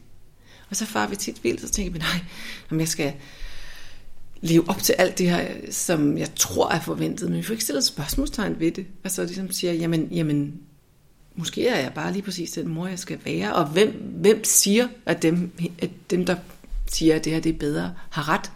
Så det er sådan at gøre lidt op med, med den der, øhm, kan sige, vi farer lidt vild i, at, at at blive lidt eksterne og sige, at jeg skal leve op til noget, og nu siger vi, det er bedst at være sådan her, og man skal også sortere mit affald. Og, altså du ved, at det ja, helt sikkert. Og det allervigtigste er jo, at du trives, at du lander. Altså den allerstørste ressource, du kan være, er jo at virkelig være glad i dig selv. Altså, Men når du siger det, så jeg tænker, ja, ja, ja, ja. Altså jeg har virkelig lyst til, at vi alle sammen skal sætte barn lidt ned, og, eller tale pænere til os selv, ja. og, og måske revurdere, hvordan vi taler til os selv. Men åh, er det ikke rigtig svært for mange, tror du, at tro på de nye fortællinger, når vi lever i en verden, hvor der er så meget fart på, det er en bestemt form for, eller det er resultater og fart og præstation, der bliver belønnet. Vi ser alle de her muligheder alle steder. Vi ser alle mulige gøre alt muligt andet end os, og kunne alt muligt andet end os ofte fremstillet på en perfekt måde. Så selvom vi bør tale pænere til os selv, og måske slække lidt på forventningerne, eller ja, vide, at vi, vi gør det godt nok, tror du det er så ikke, det er svært for mange reelt at praktisere? Jo, og det, og det er svært, øh, og det er livsvigtigt. Altså det er jo også derfor, vi bliver inspireret af de mennesker, der så gør det. Det er fordi, vi ved det, vi kan godt mærke det indeni. Vi er sådan her, okay, der er et eller andet, der ikke hænger sammen. Altså, der er jo et eller andet. Det, det, det, vi kan jo ikke øh, både være fantastiske elsker og den perfekte mor og stå inde i karrierejobbet øh, fra, fra 8 til 19 hver dag og leve 100% sundt. Altså det, det, er jo, det er jo ikke, øh, det er jo en utopi. Så det er jo også noget med at sige, jamen, altså grunden til, at vi bliver inspireret af dem, der gør noget andet, det er fordi, vi godt ved, vi ved jo godt indeni, okay, det holder simpelthen ikke det her. Det er jo ikke, det er jo ikke et, et billede, som på nogen kan leve op til. Så når vi bliver inspireret af dem, der træder ud af det, mm. så er det fordi, det viser os, at vi skal finde vores egen måde at træde ud af det på. Så på en eller anden måde, det jeg hører, også bare for at tage noget konkret ja. med til lytterne, er sådan, måske faktisk at fange sig selv i, når man bliver inspireret af andre, fordi det er et tegn på, at der er et eller andet Ja. inde i en selv. Og så igen det der med at dedikere noget tid til det her arbejde. Altså fordi jeg tror rigtig mange, nu sagde du selv, både en god elsker og en god mor og en karrierekvinde. Tro mig, jeg tror, der er så mange, der stræber efter at skulle være det hele. Ja. Og fordi de også er lykkedes med rigtig mange ting i løbet af livet og skide dygtige, så, Ja. Så har de også en overbevisning om, at det her kan jeg også godt lige klare, Ja. indtil de ikke kan. Og det der er med det, det er, at det er jo ikke rigtigt dem, der inspirerer os. Det er ikke dem, der kan det hele. Altså tit dem, der sådan virkelig vækker os, det er jo nogen, der, der træder ud mm. og siger sådan, altså, jeg kan huske i, mange år, altså også i mine 30'ere, der var jeg sådan øh, super inspireret af sådan, øh, sådan lidt øh, kunstneriske kvinder, der sådan, du ved, der sad sådan med en lidt særlig hat foran sådan nogle lyse, flagrende gardiner i sådan nogle spanske store vinduer. Og jeg tænkte, hvorfor er det, jeg er så inspireret? Og ikke tale særlig meget. Altså, jeg var helt stille. Og så tænkte, og det var slet ikke sådan, jeg var. Jeg tænkte, hvorfor er det, jeg hele tiden ser de der kvinder alle steder? Ikke? Jamen, det er fordi, det viste mig, at jeg skulle træde ud af det der univers, hvor jeg skulle være til rådighed for alle, og møde alles behov, og fikse alting, og tage alt ansvaret, og træde tilbage, øh, og, og leve lidt på en anden måde, ikke? som jeg så også valgte mm. at gøre. Øhm, så, så, så det er jo noget med at turde lytte, og så sige, jamen, jamen vil du leve et liv, hvor du egentlig lever, og er alle andres pige? Det er jo det tit mange gør. Mm. Alle andres kvinde. Ikke? Altså chefens kvinde, og børnenes mor, og kærestens øh, kone, og hus, ja. altså du ved, sådan, altså, de er sådan, hvem, hvem, jeg er jo min egen pige, altså hvad er min melodi? Mm. Og vi, altså, det bliver jo altså ikke nogen god melodi, hvis vi spiller en sådan en blanding af sådan en øh, af rock og pop og klassisk, fordi vi bare løber rundt og prøver at ligesom holde alle glade. Vel? Så det er jo noget med at sige, hvad er min melodi? Og det kræver den her, det kræver, at vi kan sætte grænser for os selv og sige, nej Sofia, nej Lea, du kan ikke både dukke op med den perfekte gave og ligne milliard, og dine børn er fuldstændig grounded derhjemme, fordi du har også siddet og læst med dem. Altså, kan du jo ikke nå på samme morgen. Altså, det, så, så hvad er det, hvem er det så, du gerne vil være? Ikke? Hvad Og, det? og det er vel en ret fin tråd tilbage til værdierne, Ja. egentlig, altså til Ja. værdiarbejdet. Ja, For jeg tænker, hvis vi finder frem til, hvad det er for nogle værdier, vi reelt gerne vil leve efter, måske har vi fundet ud af, okay, det var ikke dem, jeg levede efter det sidste år, så kan vi vel også bedre føre dem ind i de valg, der så leder os videre til at være hende, der står knivskabt om morgenen, eller hende, der sidder og læser bøger med sit barn, eller hvad det nu er. Ja, og så også bevidst vælge, ikke? For det at sige, for eksempel, hvis du så vælger succes, altså øhm, for eksempel, det, det havde jeg i mine 30'er, altså stadig på min, højt på min liste, fordi jeg, havde, jeg ville gerne have min virksomhed havde succes. Jamen så er det jo også at være det med åbne øjne og sige, hvis jeg vil det, så bliver jeg nødt til at, at skabe et liv, hvor der er hjælp. Altså, du ved, for eksempel, jeg kan ikke, jeg kan ikke, jeg kan ikke både have en, en, en større virksomhed og være den nærværende mor og sørge for, at mit hus står knivskarpt hver eneste dag. Altså, så det vil sige, så har jeg jo, så har, hvad har jeg så brug for? Mm. Og, det, og det samme jo, hvis jeg vil være 100% nærværende mor, og dermed måske ikke er ude og tjene lige så mange penge, som hvis jeg ikke var det, hvad har jeg så brug for for at kunne det? Mm. Og så må jeg jo, altså så det er jo også noget med at sige, hvad, altså, hvad er det egentlig for et liv at turde stille sig selv? Det er lidt tidligere, end mange gør, fordi mange får først stillet det, når de så får kroniske, desværre, mm. kroniske smerter, eller går ned med stress, eller, så det stiller sig selv det spørgsmål lidt tidligere, og sige, jamen altså, være lidt mere, skal man sige, rebelsk, og sige, hvad står jeg for? Altså, yeah. Og ikke, ikke dømme sig selv. Sige, jamen det er fint, hvis du vil øh, stå i en urtehave øh, på Bornholm, altså, eller det er fint, hvis du vil stå på nogle bonede gulve i Indre København. Altså, det, det, det, er jo, det er jo dit liv. Altså, vi er jo voksne, og det glemmer vi nogle gange. Så tænker vi, nogen skal anerkende det, eller sådan, give dig lov til det. Eller, mm. Og det er jo sådan, jamen, Du er må jo- godt. Du må godt, du er voksen. Det hører jeg tit til mig selv sige til klienter, men det er jo dig, der skal bestemme det, for du er voksen. Altså, hvilken mor du vil være. Det vigtigste for dine børn er, at du bestemmer det. Altså. Og jeg synes, det proaktive element, du nævner, er så vigtigt, og at jeg virkelig, altså det er jo faktisk formålet med hele Mindcare Collective og podcasten, det er mere proaktivt at få os alle sammen til at tage os mere selv, fordi vi jo netop mange ender med at brænde ud, og måske når det slet ikke dertil, men der er stadig nogle stresssymptomer, eller du ved, der er noget, der gør ondt, eller sådan, Ja. kunne det være fedt, hvis vi var mere opmærksom på at tage os af alt det her arbejde, inden vi nåede dertil. Ja. Jeg ved godt, det er svært, men det kunne da være ret Ja, det er jo ikke engang, altså det er jo ikke engang kun, det er, jo, det er helt sikkert fedt, men det er jo også, altså, det er også virkelig vigtigt. Altså, fordi det er jo også i de små år, vi lærer vores døtre, hvordan de skal leve. Altså, mm. så det er jo virkelig også, nogle gange er det sådan, der, nogle gange, når jeg møder mine kursister og klienter, så tænker jeg sådan, det er som om, der er ild i deres hår. Men de slukker det ikke, vel? Altså, fordi det er svært at se selv. Men det har jo en konsekvens. Altså, det, mm. hvis du lever efter et værdisæt, som ikke er dit, eller du, du har et liv, hvor du tænker, det er jo slet ikke sådan her, jeg egentlig er. Altså, hvis du bliver ved med det år efter år, så, så har det jo en... Og så er det jo så, så i stedet for at lytte til de der visker, så venter vi til den der fældende takling, ikke? Og så mm. ligger vi og, og raller. Altså, og, mm. og det er jo ikke noget, man gider tale om, når man står der, og der er bare gang i den og sådan noget, men, men, men det er jo vigtigt at lige reflektere over og sige, der er altså noget, der visker. Hvorfor har jeg ondt i maven hver mandag? Hvorfor får jeg altid hovedpine om fredagen, når ugen er gået? Altså, hvorfor, hvorfor har jeg den her næne samvittighed, når, når det er, jeg igen ikke har, hvad det nu er, ikke? Så det er tur at lytte. Tak for det, Sofia. Jeg synes virkelig, der har været mange gode eksempler og, og redskaber, som jeg i hvert fald kan tage med mig, og så tænker jeg, at der også må være nogle, nogle lyttere derude, der kan.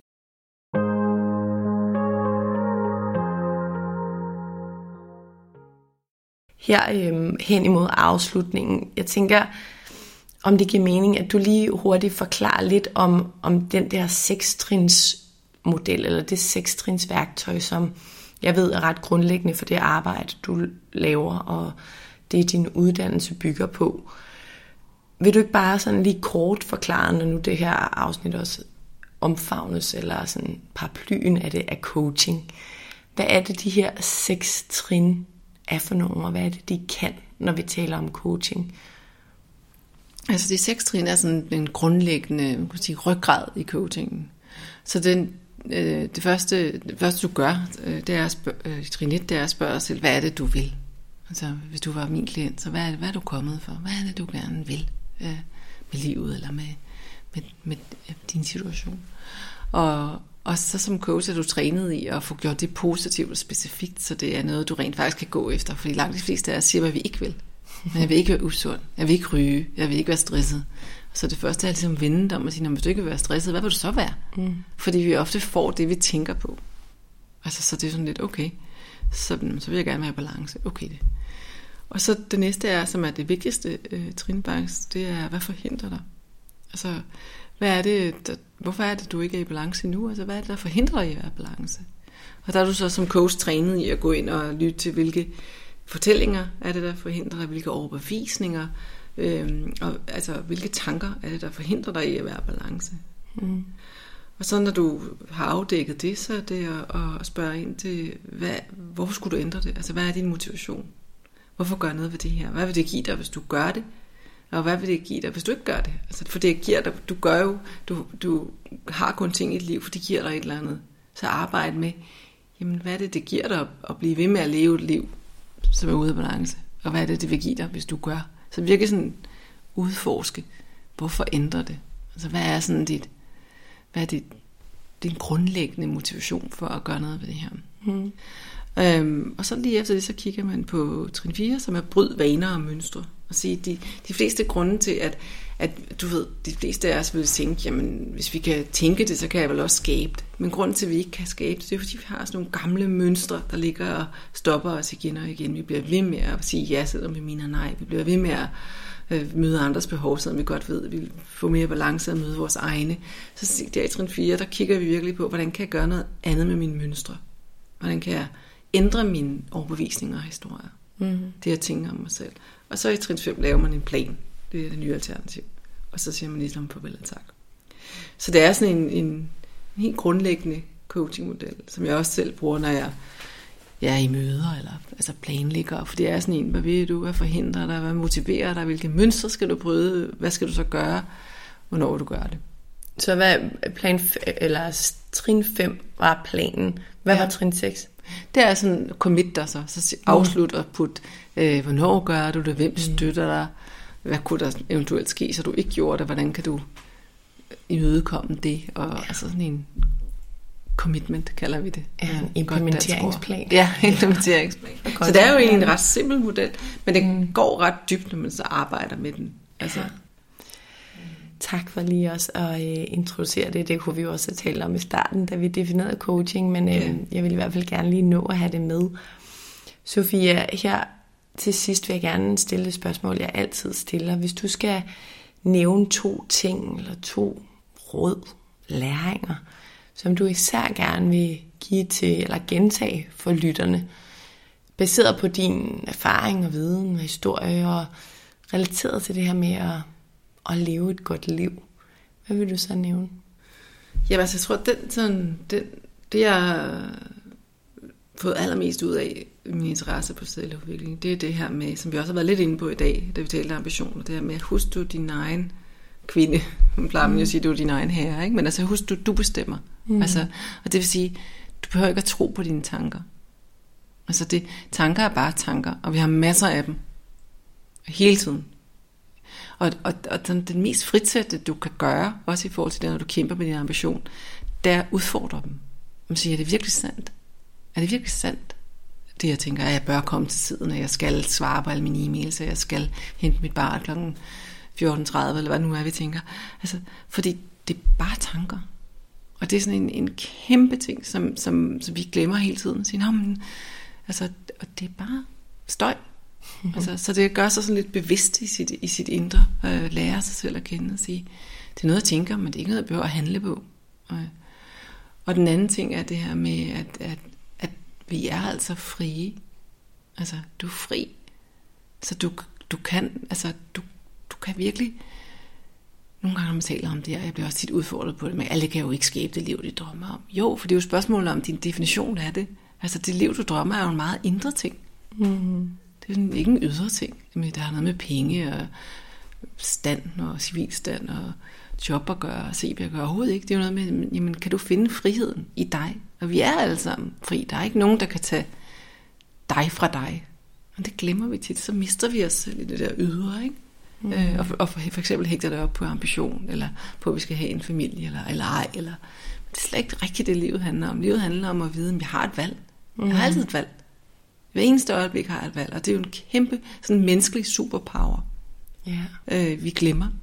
Som, som jeg tit taler, virkelig tit taler med mine klienter om, du har jo et valg. Der er ikke andre, der kan vælge det for dig. Og det er jo, det er sådan, har jeg? Ja, det har du. Du kan jo vælge alt muligt til og fra. Øhm, det tror jeg er det, jeg taler allermest om i mit Ja. arbejde. Det er, du er fri, du har et valg, og du er din egen herre, kvinde i eget hus. ja. Og tanker er bare tanker. Tanker er bare tanker, og alt det der med, at vi tænker, som du sagde, du er kvinder i 30'erne, øh, altså, hvor vi tænker, vi skal alt muligt, det er bare tanker. Det er bare en tanke, at du ikke kan aflyse det der i aften, fordi du egentlig hellere vil ligge hjemme på sofaen. Det er bare en tanke. Mm. Altså, du har et valg. Øhm, og og tit, tit stiller vi også vores omgivelser fri, når vi ejer det, og siger, okay, Men lige Ja. det eksempel, at så er der jo også en konsekvens ved handlingen. Altså, det er bare en tanke, som jeg, jeg elsker det. Ja. Og jeg øver mig selv på at praktisere det i mit Ja. ja. liv. Men lad os sige, at jeg vil hellere ligge på sofaen om aftenen, så jeg behøver ikke at gå til det der, jeg ellers havde sagt, jeg skulle. Men så skuffer jeg jo nogen. Ja, så- måske. Måske, det er også bare en tanke, ikke? ja. For, altså, det er jo bare en tanke. Altså bare i dag, der, da jeg så aflyste noget, jeg skulle efter dig, jeg tænkte, ej, nu skuffer jeg hende, tænkte jeg. Øh, og så var hun sådan, ej, hvor er det dejligt, for så kan jeg. Altså, du ved, man ved det, og det, ikke- det var, altså, og så var det sådan, det kunne også være, at jeg skuffede hende. Mm. Men man kan også sige, og, og, og der er også et godt coachende spørgsmål at sige, jamen, og, og hvad så? Altså, hvad er det så, vi frygter? Mm. Altså, og den, at, at det vi frygter være, end at være så utro mod os selv, som vi hele tiden, altså vi bare mister et helt årti øh, i at skulle gøre alt det, vi tænker, vi bør. Det er jo en ret stor konsekvens. Mm. Kontra, jeg skuffer Stina, de jeg ikke kommer i aften. Altså, det, du ved, det er jo sådan, så det er jo også noget med at være lidt ærlig over for sig selv, ikke? Og sige, jamen, måske undersøge konsekvensen, ikke? Fordi Jo. man kan jo spørge. Ja. Eller spørge ind til, hvad jeg sidder med den her følelse af, at du synes, jeg er en dårlig ven, hvis jeg gør det her, men jeg kan mærke, at jeg har brug for at ligge på sofaen, og så vil forestille mig, veninden være sådan, du ligger bare på sofaen. Ja, ja. Og det er jo også der, vi lærer, om det er en rigtig god ven. Ikke? Altså, det er jo også der, vi tit når vi, når vi tillader os selv at være dem, vi er. Det er også der, vi tit virkelig lander i de fællesskaber, der nærer os. Fordi det er jo der, vi finder ud af, okay, her, selvfølgelig kan jeg altid aflyse her, fordi jeg er jo elsket som den, jeg er. Mm. Så det er jo også sådan en læring på den måde, ikke? og det er jo også det, vi lærer vores børn og vores familie. At sige, okay, jeg tager altså den her lur, i stedet for at, at spille kort med jer, eller hvad det nu er i en sommerferie. Altså, så, sådan, så tillader vi jo også vores børn at mm. sige, okay, jeg vælger lige mig selv til, i stedet for fællesskabet et øjeblik, fordi det nærer mig mest. Så der er jo sådan mange dybe ting i at virkelig stå autentisk i verden, ikke? som er ret vigtige, men som tager lang tid at lære. Fordi vi er så, man kan sige, næsten hjernevasket i, i af vores omgivelser, kultur, subkultur. Altså, så den er ligesom komme tilbage til os selv og være sådan, hey, hvem er jeg? Mm. Det er jo simpelthen så fritsættende. Ja. Og alle, alle kan gøre det. Altså det er nogle gange, så sådan, nej, det kan jeg jo ikke. Jo, det kan du godt, det er bare skridt. Altså sådan, en udfordring gang. Ja. Kan jeg vælge mig til i det øjeblik? Ja, det kan jeg godt. Okay, hvad så med næste? Mm. Altså, kan jeg, kan jeg sige, hvad jeg virkelig tænker nu? Ja, det kan jeg godt. Altså sådan, et skridt ad gangen. Vi kan alle sammen. Ja. Nu sagde jeg godt nok, det var det sidste spørgsmål, men der er et spørgsmål, jeg nogle gange har lyst til at stille, og det får jeg lyst til at stille nu. Hvad er meningen med livet for dig? Ja, det er et stort spørgsmål, ikke? Jeg tror faktisk, meningen i mit liv, det er at virkelig øh, tillade mig selv at være her. Altså være i live. Nogle gange, når jeg har kigget tilbage og lavet de her blandt andet værdi øh, analyser, hvis man kan kalde det det, så har jeg været sådan, gud, jeg var der jo ikke.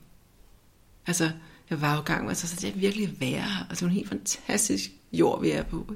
Altså, bare her til morgen, da jeg kom ud, altså den der, bare mærke luftkvaliteten og byen som København, som er så smuk, og altså, du ved, altså, det, det, er jo, det er jo en helt fantastisk mulighed, vi har fået. Ikke? Altså, mm. kigge i sine børns øjne, eller mærke deres hår, eller altså tænk, hvor mange, jeg stod på arbejdet og mærke en sejr, eller hvad det er. Altså, tillade os selv. At nogle gange, så jeg havde sådan, øh, jeg følte, at jeg på 30'erne, så havde sådan, min 30'er var sådan en fest, som jeg holdt, men jeg var, jeg var bare ikke selv inviteret. Altså, fordi det var så godt alt sammen, og det så så flot ud, men jeg var der ikke rigtigt. Altså, og det er jo super ufedt. Altså ligesom at stå til sit bryllup, og så ikke rigtig være der, fordi man er så fokuseret på, om kjolen sidder godt, og kokken nu gør det, jeg har aftalt. Ikke? Og sådan skal livet jo ikke gå hen og blive. Så for mig er meningen med livet, og, og, altså, og det har været sådan en rejse, sådan en indre sejr, i stedet for en ydre. Altså at sige, okay, men det er ikke så vigtigt med en ydre sejr. Det, der er vigtigt, er jo, at jeg kan mærke mine relationer, mærke det, jeg laver. Altså, mm. mere end, hvad du tænker om det, øh, dybest set. Altså. Tak for at dele.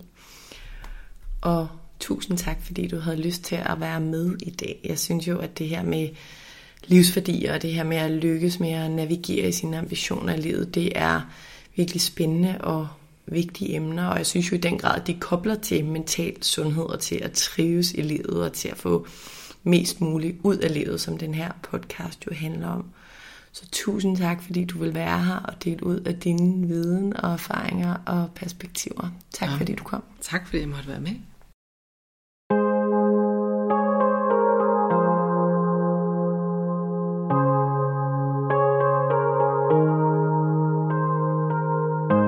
Håber, at du fik lige så meget ud af afsnittet med Sofia, som jeg gjorde. Jeg synes både, at Sofia gav nogle gode overordnede perspektiver, men også nogle konkrete værktøjer og øvelser, som vi kan kaste os ud i og afprøve. Enten alene, eller med en partner, eller med en god ven, eller med en coach eller en anden terapeut. Som Sofia også nævner, så tager arbejdet med selvudvikling tid, og måske var det også hele livet – og det kan selvfølgelig godt virke lidt sådan som, ja, hårdt arbejde. Men jeg tror virkelig på, at vi kan leve et liv med mere glæde og frihed og mening, hvis vi reelt finder frem til, hvem vi faktisk gerne vil være, og hvilke værdier vi reelt gerne vil leve efter i det her liv, vi har. Og som det aller sidste vil jeg bare lige gentage, hvad Sofia afsluttede med at sige. Tanker er bare tanker, og du er fri i livet. Livet er altså dit, og du er fri til at forfølge dine værdier og dine drømme. Husk det.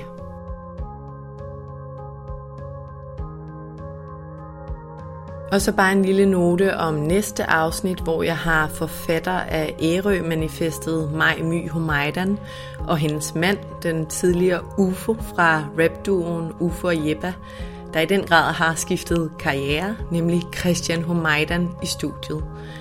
Jeg glæder mig rigtig meget til at dele afsnittet med jer, som fra flere vinkler handler om udfordringerne ved det moderne, forhastede samfund, og om samfundsnormer i øvrigt, som vi ofte glemmer at sætte spørgsmålstegn ved.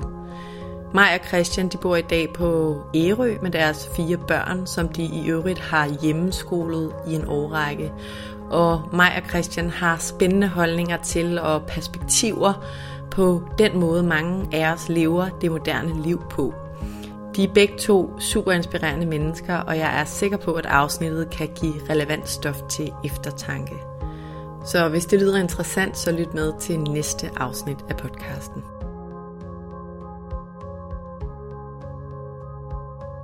Tusind tak, fordi du lyttede med i dag. Hvis du kunne lide det, du hørte, så husk, at du nemt og gratis kan støtte podcasten ved at dele, at du lytter med på sociale medier. Husk at tagge Mindcare Collective. Det betyder helt vildt meget. Hvis du kan lide podcasten, kan du også støtte den ved at rate eller anmelde den i din podcast-app, og ved at trykke på subscribe-knappen. Så ved du også altid, hvornår der udkommer et nyt afsnit. Det er alt sammen med til at støtte, at jeg kan blive ved med at lave nye afsnit af vores mentale sundhed. Som det sidste vil jeg også bare lige nævne, at du selvfølgelig altid er velkommen til at række ud, hvis du har feedback, idéer eller noget på hjerte, du gerne vil dele med mig. Du kan skrive til mig via min Instagram-profil, Mindcare Collective, eller via min hjemmeside, mindcarecollective.com. Tak fordi du lyttede med.